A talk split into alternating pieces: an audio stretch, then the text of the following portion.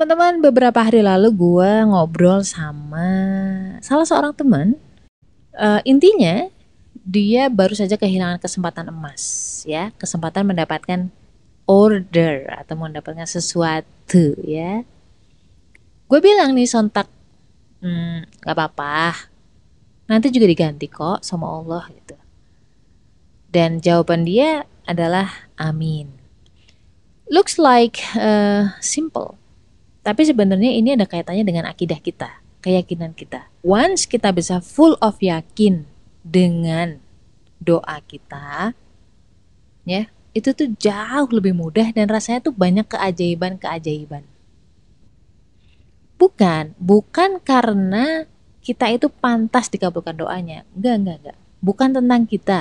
Namanya beriman, mengimani doa itu tentang Allah karena Allah pantas mengabulkan doa kita. Kan kata Allah di Al-Quran, barang siapa yang berdoa kepadaku, saya aku akan mengabulkannya, benar nggak? Dan di hadisnya Rasulullah, selama doa itu tidak mengandung dosa dan tidak mengandung pemutusan silaturahim, pasti dikabulkan. Sayangnya kadang nih kita tahu ayatnya, kita tahu hadisnya, kita tahu dalilnya, cuman aneh ya, kenapa tidak membuat hati kita yakin? Assalamualaikum. Gimana kabar lo? Alhamdulillah. Apakah lo lagi ngerasa kesepian atau sendirian? Kenalin gue Ria Marliana, teman healing lo di podcast Self Healing. Di sini kita bakal ngobrol bagaimana sih belajar berdamai dengan luka, tentu aja atas izin Allah Subhanahu. Semoga Allah sembuhkan lukamu, ringankan bebanmu dan kuatkan hatimu. So gengs, sebelum gue lebih jauh nih, ngomongin tentang keyakinan, bagaimana cara kita yakin ya kan. Gue juga masih belajar ya cuy ya. Gue tanya dulu deh, kalau misalkan nih ada api, terus tangan lo lu masukin ke api itu kira-kira panas nggak? Masa? Yakin? Beneran? Coba coba coba gitu. most of the time, eh most of you pasti akan jawab bahwa iya kak yakin pasti panas. Gimana lo bisa yakin bahwa itu panas? Hmm? Oke, jadi pas kecil ya Kak ya. Dulu itu ibu ibu saya itu ngasih tahu kalau misalkan api itu panas. Oke. Itu satu. Lalu yang kedua, kita kepo nih Kak. Jadi ketika ada lilin atau ada api kita deket-deketin tuh apinya. Oh ternyata lama-lama panas ya gitu. Oke. Ini kuncinya. Keywordnya adalah ada pengetahuan dan ada dan ada pengalaman itu yang membentuk sebuah keyakinan. Atau dengan kata lain itu adalah iman. Lu mengimani bahwa api itu panas. Betul? Betul. Karena yang namanya iman atau keyakinan itu tidak bisa hanya dari pengetahuan doang atau dikasih tahu doang sama orang. Kagak bisa, pemirsu. Makanya Allah di Al-Ankabut itu kan bilang kan, apakah kamu akan dibiarkan begitu saja menyatakan beriman tanpa diuji? Enggak. Karena apa? Karena keimanan itu dibangun dari ilmu atau pengetahuan dan juga pengalaman hidup. Nah, ini kisah dari Nabi Ibrahim. Beliau itu kan dulu kan dibakar ya sama Namrud. Bener nggak? Bagaimana mungkin api tidak membakar Nabi Ibrahim? Ayo, ada yang bisa jawab?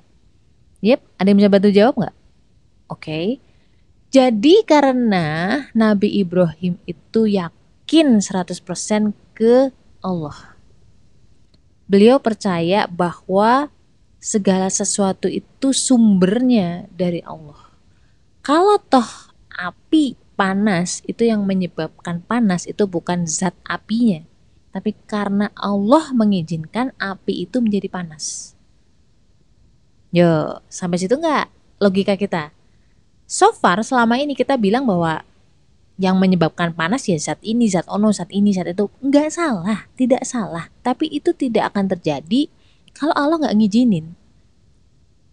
Segala sesuatu itu bisa terjadi karena Allah mengizinkan. Dulu anak-anak gue sakit dan gue nggak punya uang. Gue waktu itu cuma bisa berdoa ya Allah, tolong sembuhkan anak-anak hamba karena hamba tidak punya uang untuk beli obat. Hamba cuma punya engkau dan hamba yakin bahwa ketika engkau menghendaki mereka sembuh.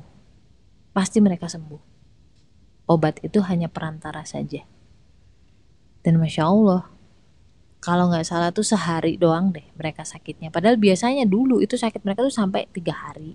Kalau misalkan sakit kayak gitu. Tapi di situ menyebabkan kita tuh kayak semakin bertambah keimanannya. Bener nggak? Jadi dari situ misal pun aku minum obat itu sebagai sarana ikhtiar aja, tapi tetap aja kesembuhan itu datangnya dari Allah. Ada banyak case kok di mana gue tuh beli obat, gue minum obat dan gue nggak sembuh. tapi ada masa di mana gue nggak minum obat dan Allah menghendaki gue sembuh, gue sembuh. Bagaimana caranya kita bisa yakin ke Allah? Pertama, ingat selalu Allah. Tikir. Tikir tuh maksudnya gini, ketika lo mau makan lo ucap bismillah ketika lo mau tidur lo doa sebelum tidur ya kan doa bangun tidur jadi hadirkan selalu Allah di setiap peristiwa hidup lo termasuk sholat puasa ibadah-ibadah wajib dan juga sunnah itu otomatis pemirsu ya enggak sih lalu yang kedua adalah jangan deketin orang-orang yang logikanya itu hanya logika dunia doang dimensi dunia doang kenapa karena itu mudah banget uring-uringan. Ketika lo bergantung terhadap logika dunia lo sendiri, pasti mudah uring-uringan, mudah kecewa, ya kan? Ketika sesuatu tidak terjadi sesuai dengan apa yang lo mau, apa plan kamu, lo marah-marah sendiri, merasa gagal, desperate, dan kawan-kawan. Dan itu nular. ya sama lah kalau misalkan lo mau ke gua nih, lu pengecut misalkan. Tiba-tiba lu bareng sama temen lo yang sama-sama pengecut gitu penakut. Ya akhirnya kalian berdua sama-sama lari terbirit-birit gara-gara takut ada suara-suara aneh gitu di belakang. Padahal sebenarnya suara aneh itu mungkin cuma tikus. Tapi karena lo takut duluan ya udah ngacir lah lo. Yang ketiga adalah ingat masa lalu kamu ketika lo punya pengalaman di mana lo udah buntu merasa kayak lo nggak mungkin lagi deh. Dan ternyata Allah bukakan jalan dari jalan yang tidak disangka-sangka. Hah? Masa nggak pernah? Yaudah kalau misalkan bener-bener lu nggak ada nggak ada kisah atau misalkan lu memang nggak peka nggak observe tentang hidup lo sendiri kamu bisa pelajari kisah-kisah nabi dan rasul sahabat yang mereka tuh fokus ke ini loh keyakinan mereka keimanan mereka sebenarnya sekarang juga banyak teman-teman. Kamu bisa lihat video-video teman-teman kita di Gaza saudara-saudara kita di Palestina. Lu lihat video mereka masya Allah keimanannya. Itu juga nular. Nah, buat teman-teman nih, uh, mungkin di usia gue sekarang itu kan beda sama gue yang masih di usia 23, 18 ya kan, 12 tahun dan kawan-kawan. Jadi wajar buat teman-teman yang masih mencari keimanan gitu ya, mem mempertebal keimanan. Gue itu tipe orang yang bisa dibilang nekat. Gue selalu percaya bahwa akan selalu ada jalan. Allah tidak akan menguji kita di luar batas kemampuan kita. Secara kata lain nih, atau dengan kata lain bahwa ketika gue sampai di suatu titik tertentu, di suatu kondisi tertentu, kalau misalkan Allah sampai mengizinkan sesuatu itu terjadi ke diri gue, gue udah sempet ceritain itu panjang lah, lo tinggal scroll ke bawah itu banyak kisah-kisah gue. Allah tidak pernah dan tidak akan pernah bisa mengingkari janjinya. Janji dalam hal ini ya semua yang termaktub di Al-Quran dan juga yang diceritain di hadis. Udah itu aja. Termasuk ketika gue memutuskan resign dari pekerjaan yang sebelum ini, ya kan, gue kan resign dalam kondisi uh, eh, gue belum punya kerjaan, sampai setahun gue hampir setahun gue nganggur lah gitu kan. Perjalanannya masya Allah, hampir setahun duit duit gue udah mau habis, gue kerjaan gak dapat dapat ya kan, nggak ada yang terima-terima gue gue berpikir gini kalau toh misalkan sampai setahun gue belum dapatin kerjaan berarti Allah punya skenario yang lebih baik dibanding rencana gue dibanding skenario gue bisa jadi memang jalan rezeki gue adalah ngantor atau melayani company atau Allah tempatkan gue sebagai owner. Entah dagang jualan apa kayak itu kan owner ya. Di mana pun itu yang penting Allah ridho insya Allah tuh ada aja jalan. Jadi gue ngikut aja lah terserah Allah gitu. Gue sampai ngeyakinin diri sendiri karena berkali-kali itu bisikan-bisikan setan itu datang tandanya bisikan setan itu apa ketika hati lo langsung merasa gelisah hati lo merasa ragu hati lo takut dan ketakutan-ketakutan itu, kegelisahan-kegelisahan itu, kekhawatiran itu adalah tentang dunia. Kayak dulu kan, kayak aduh duit gue habis nih, ntar makan apa ya? Aduh bisa hidup gak ya? Aduh jangan-jangan nanti gue sama anak-anak gue mati kelaparan gitu kan. Padahal sebenarnya itu kedua kali gue nyemplung keluar atau resign tanpa kerjaan pengganti. Kok ya masih takut juga ya, namanya manusia ya cuy ya. Allah kasih ilham seperti ini. Ini lo khawatir tentang apa?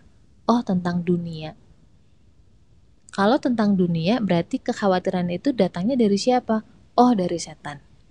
Oh, kata Allah kan setan itu pendusta. Yang akan terjadi pasti sebaliknya. Bismillah. Udah. Yakin aja. Kencengin lagi di tahajud. Biar bisa tenang. Karena kalau misalkan lo hanya berkutat di kepala doang, ujungnya lo overthinking. Biar nggak overthinking, lariin ke zikir gitu tapi itu perjalanannya sebenarnya hikmah yang gue ambil itu bukan cuma masalah pekerjaannya, tapi bagaimana iman gitu jadi naik gitu, ya kan? Bagaimana keyakinan kita jadi semakin bertambah. Dan harapan gue, semoga teman-teman bisa inget saat-saat di mana lo tuh berserah banget sama Allah, terus akhirnya Allah kasih jalan keluar. Dan lo inget lagi kisah-kisah kayak gitu gitu loh. Bagus lagi lo bikin entah catatan, entah diary gitu ya, entah lu bikin podcast sendiri, YouTube apa pun itu yang lu bisa dengerin lagi gitu. Ketika iman lo lagi turun, iman lo lagi down, dengerin lagi rekaman-rekaman itu. Gue kadang-kadang, teman-teman gue kadang-kadang ya dengerin suara gue sendiri, mengingat kisah di mana gue lagi kesulitan, bagaimana strugglingnya gue untuk tetap dalam keyakinan kita kepada Allah gitu. Dan itu ngaruh. Dan minta sama Allah ya muqallibal kulub sabit kolbi ala dinik. Ya yang maha membolak-balikkan hati tolong tetapkanlah kami dalam agamamu gitu. Dalam Islam dalam iman. Kalau kita cuma takutnya satu aja takut kehilangan ridhonya Allah insya Allah ke hal yang lain-lain yang sifatnya duniawi insya Allah tuh lebih enteng boles. Assalamualaikum warahmatullahi wabarakatuh